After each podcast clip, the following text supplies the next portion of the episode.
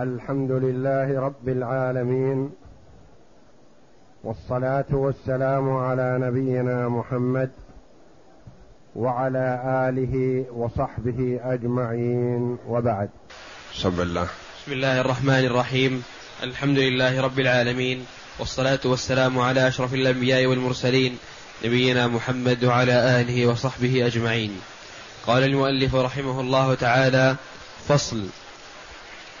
وإن أطعم المغصوب. وإن أطعم المغصوب لمالكه فأكله عالما به برئ الغاصب لأن هذا الفصل فيما إذا آل المغصوب إلى مالكه فلا يخلو إن كان عالما بأنه ملكه برئت ذمه الغاصب.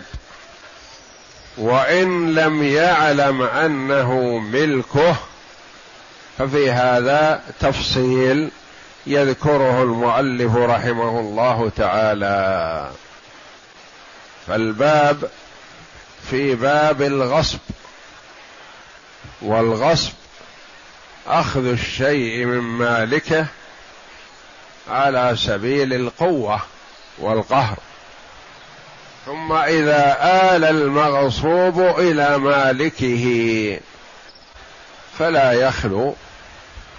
إن علم أنه هذا ملكه برئت ذمة الغاصب.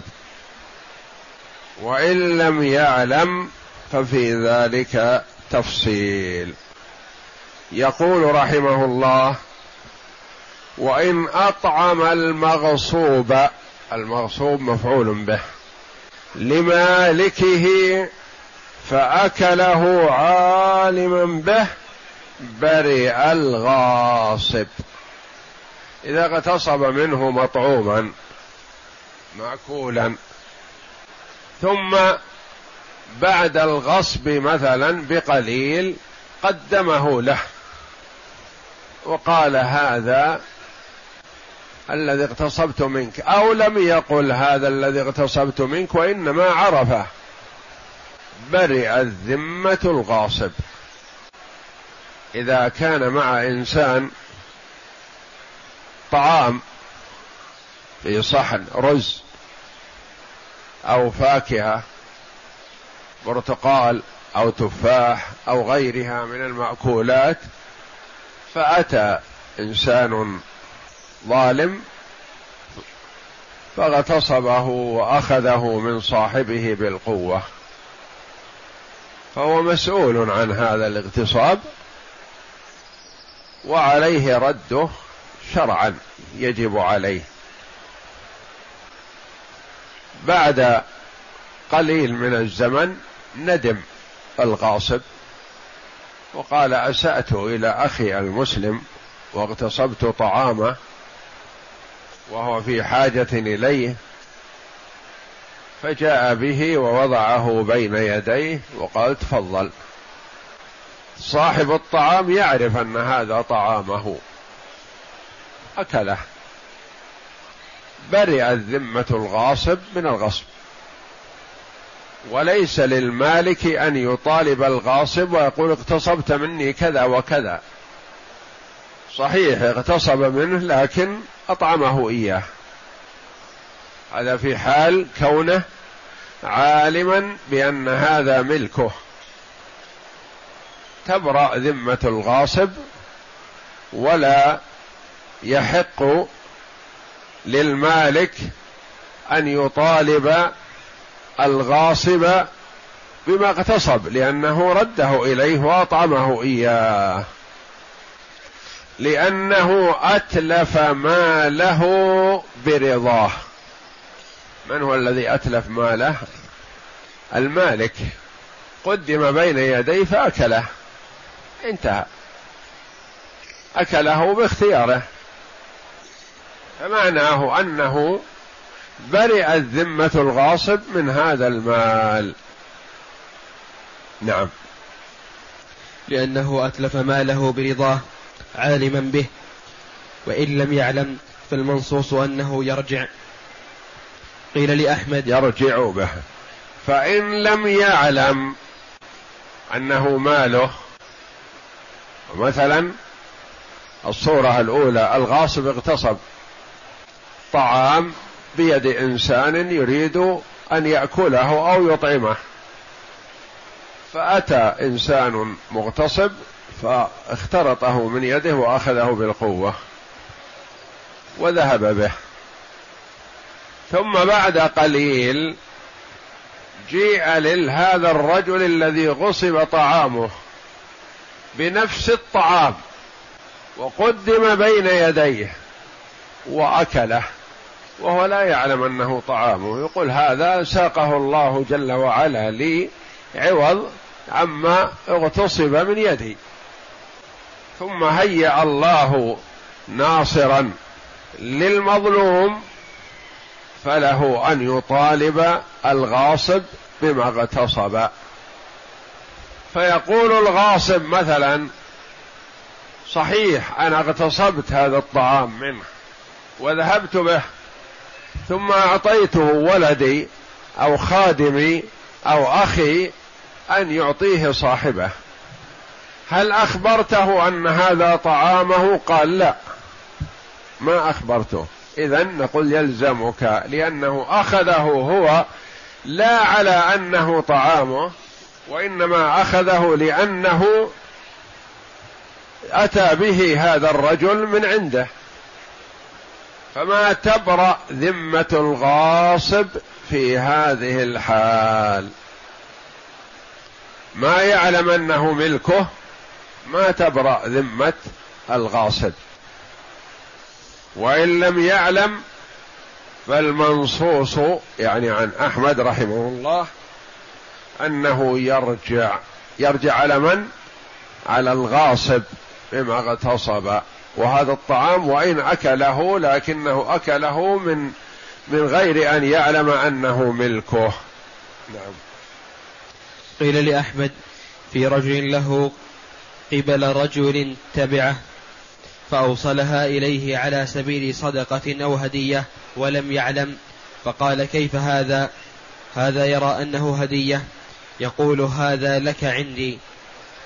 وهذا لأن قيل لأحمد رحمه الله في رجل له قبل رجل تبعه يعني شيمة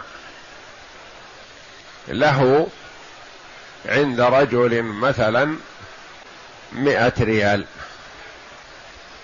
فأوصلها إليه على سبيل صدقة أو هدية. هل تبرأ ذمة صاحب التبعة؟ الذي عنده التبعة؟ لا. فرجل مثلا يطالب آخر بمئة ريال. المطلوب منه هذه المئة أخذها وجاء إلى صاحبها. وقال تفضل يا أخي هذه إعانة لك فيما أنت فيه. تفضل يا أخي هذه من حق الله.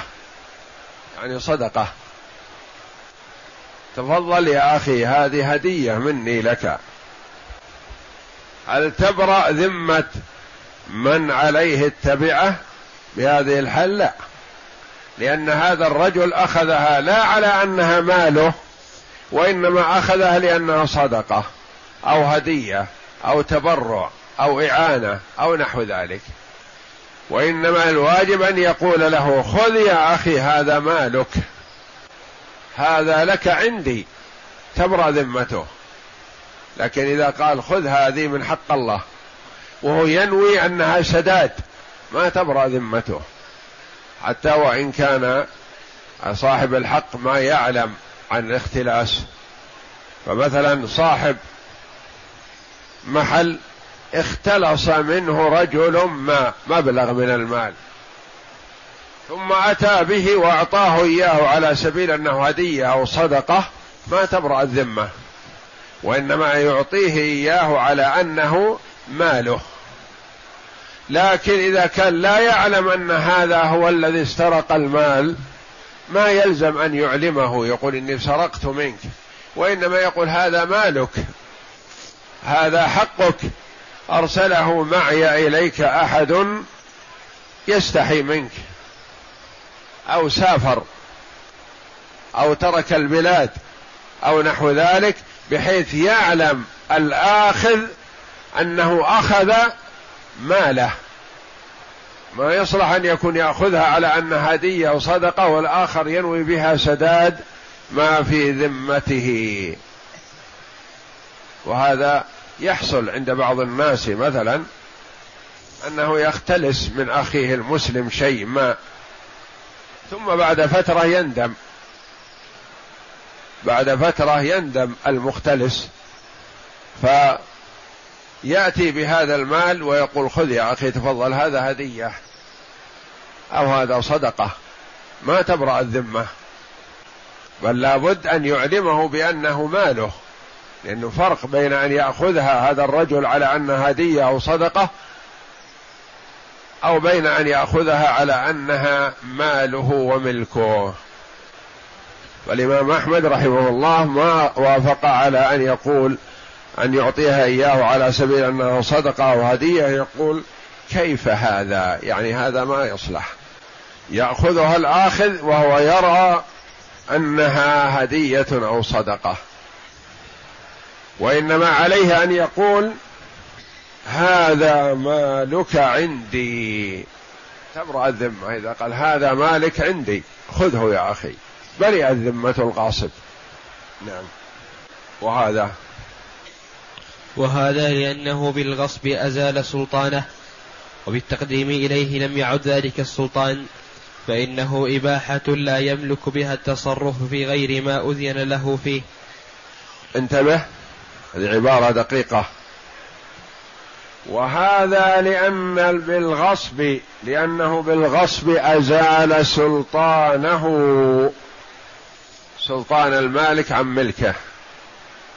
شخص معه كتابه يقرأ فيه ويستفيد منه فأتى الغاصب وأخذه بالقوة منه. من الذي أزال السلطان؟ سلطان المالك على ملكه بيده كتابه يستطيع أن يقرأ فيه يستطيع أن يعطيه زميله يقرا فيه يستطيع أن يبيعه. يستطيع أن يهديه على شخص آخر. يعني له حر له كامل التصرف فيه له كامل السلطان في هذا الكتاب. هذا السلطان. لأنه بالغصب أزال سلطانه وبالتقديم على غير طريقة البيان أنه ملكه وبالتقديم إليه لم يعد ذلك السلطان. ما عاد. السلطان الأول الملك والتصرف الكامل من المالك ما عاد بإعطائه إياه على أنه صدقة. قال يا أخي خذ هذا صدقة. خذ هذا وقف. كتابه كتابه. تبرأ الذمة لقال خذ هذا وقف. لا يا أخي. يقول أنا ملكته وأعطيته كتابه. نقول نعم أعطيته كتابه لكن ليست على الطريقة السابقة.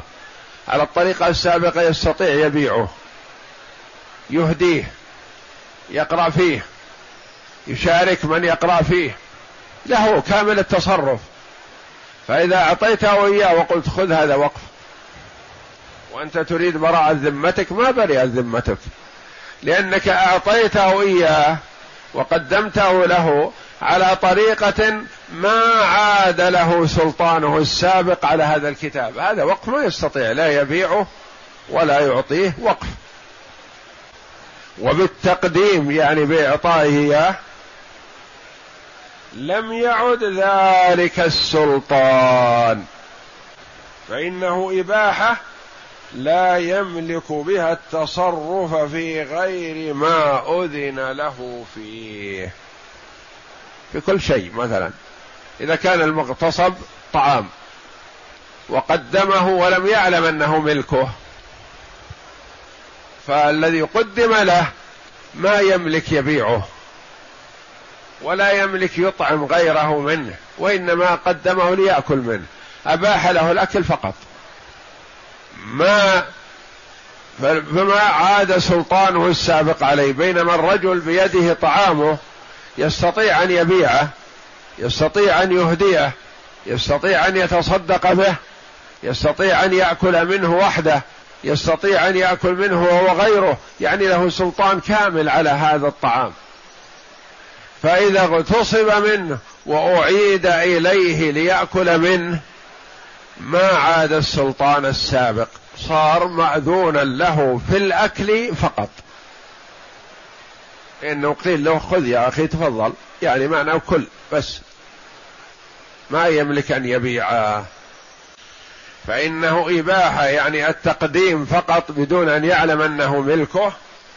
فإنه إباحة لا يملك بها التصرف في غير ما أذن فيه. أذن له فيه نعم. ويتخرج أن يبرأ. لأنه رد إليه ماله فبرئ كما لو ويتخرج يعني يقول في احتمال فيه وجه أن تبرأ ذمة الغاصب لأنه يقول أنا صحيح اغتصبت لكن أرجعت المال إلى صاحبه. فكيف تغرمونني إياه وهو الذي أكله أو أتلفه؟ لا. لأنه رد إليه ماله كما لو كما لو وهبه إياه. ويحمل كلام أحمد على أنه أوصل إليه بدله. يقول يحتمل في الأول ويتخرج أن يبرأ لأنه رد إليه ماله. فبرئ كما لو وهبه له كما لو أعطاه إياه. وكذلك الهبة محل إشكال هل يبرأ أو لا يبرأ. لأنه إذا وهب الإنسان شيء بخلاف ما إذا رد عليه ماله. يعني أنت إذا أعطيت شخصا ما على أنه شيء منك يكون يهتم بالمقاضاة. فإذا أعطيته إياه قلت هذا مالك خلاص يستريح. يطمئن إلى هذا المال أنه ماله لكن إذا قلت هذا هبة مني لك فمعناه أنه يهتم في المقاضاة فيما بعد فما وصل إليه ماله على الصفة التي كان عليها قبل الغصب. نعم. فأما إن وهبه إياه فالصحيح أنه يبرأ لأنه قد سلمه تسليما صحيحا ورجع إليه سلطانه وزالت يد الغاصب بالكلية. وكذا أما إن وهبه إياه هبة. يعني ليست صدقة وإنما وهبه إياه أو وليست إذن في الأكل فقط يقول كل من هذا الطعام. فالصحيح أنه يبرأ يقول يعني فيه قولان والصحيح أنه يبرأ لأنه رد إليه ماله وعاد إليه سلطانه السابق بالهبة. ما هو إباحة أكل أو صدقة أو وقف ما يستطيع التصرف فيه وإنما أعاده إليه على سبيل الهبة والموهوب له له حق التصرف في الهبة التصرف الكامل. ورجع إلى المالك إلى المغصوب سلطان المالك يعني رجع إليه حرية التصرف فيه. وزالت يد الغاصب بالكلية لأنه رجع المغصوب إلى المالكه الأصلي. نعم. وكذا. وكذلك إن باعه إياه وسلمه إليه. وكذلك إن باعه إياه وسلمه إليه فكذلك تبرأ ذمة الغاصب بشرط أن لا يأخذ الثمن. فإن أخذ الثمن فما تبرأ ذمة الغاصب. نعم. فأما إن أودعه إياه أو أعاره أو أجره أو أجر أو أجره إياه فإن علم أنه ماله برئ الغاصب لأنه عاد إلى يده وسلطانه. وإن, لم يعلم لم يبرأ لأنه لم يعد إليه سلطانه وإنما قبضه على الأمانة.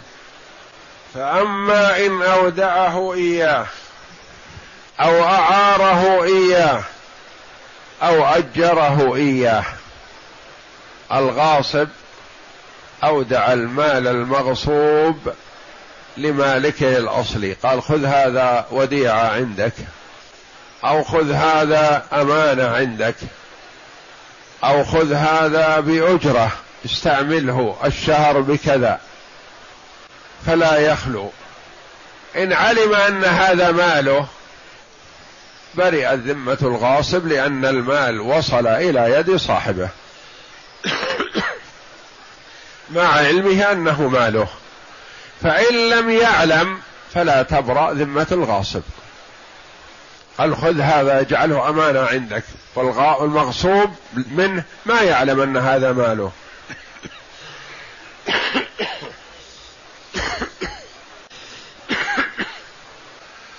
فإذا أودعه إياه أو أجره إياه أو أمنه إياه وهو لا يعلم أنه ملكه فلا تبرأ ذمة الغاصب. فإن علم المالك أن هذا ملكه واستأجر ملكه أو أودع إليه ملكه فإنها تبرأ ذمة الغاصب لأنه آل إليه ملكه على صفة له حق التصرف فيه. نعم. وقال فأما إن أودعه. فأما إن أودعه إياه أو أعاره أو أجره إياه فإن علم أنه ماله برئ الغاصب لأنه عاد إلى يده وسلطانه. وإن لم يعلم لم يبرأ لأنه لم يعد إليه سلطانه وإنما قبضه على الأمانة. قبضه على سبيل أنه أمانة أو أنه وديعة عنده أو أنه قبضه بيجرة أو نحو ذلك. فلا تبرأ ذمة الغاصب في هذه الحال. لو تلف في يد المالك فإن الغاصب يضمنه. وقال بعض أصحابنا يبرأ لأنه عاد إلى يده. بعض الحنابلة رحمهم الله قال يبرأ ما دام أن العين المغصوبة آلت إلى مالكها برئت ذمة الغاصب. والله أعلم وصلى الله وسلم وبارك على عبد ورسول نبينا محمد وعلى آله وصحبه أجمعين.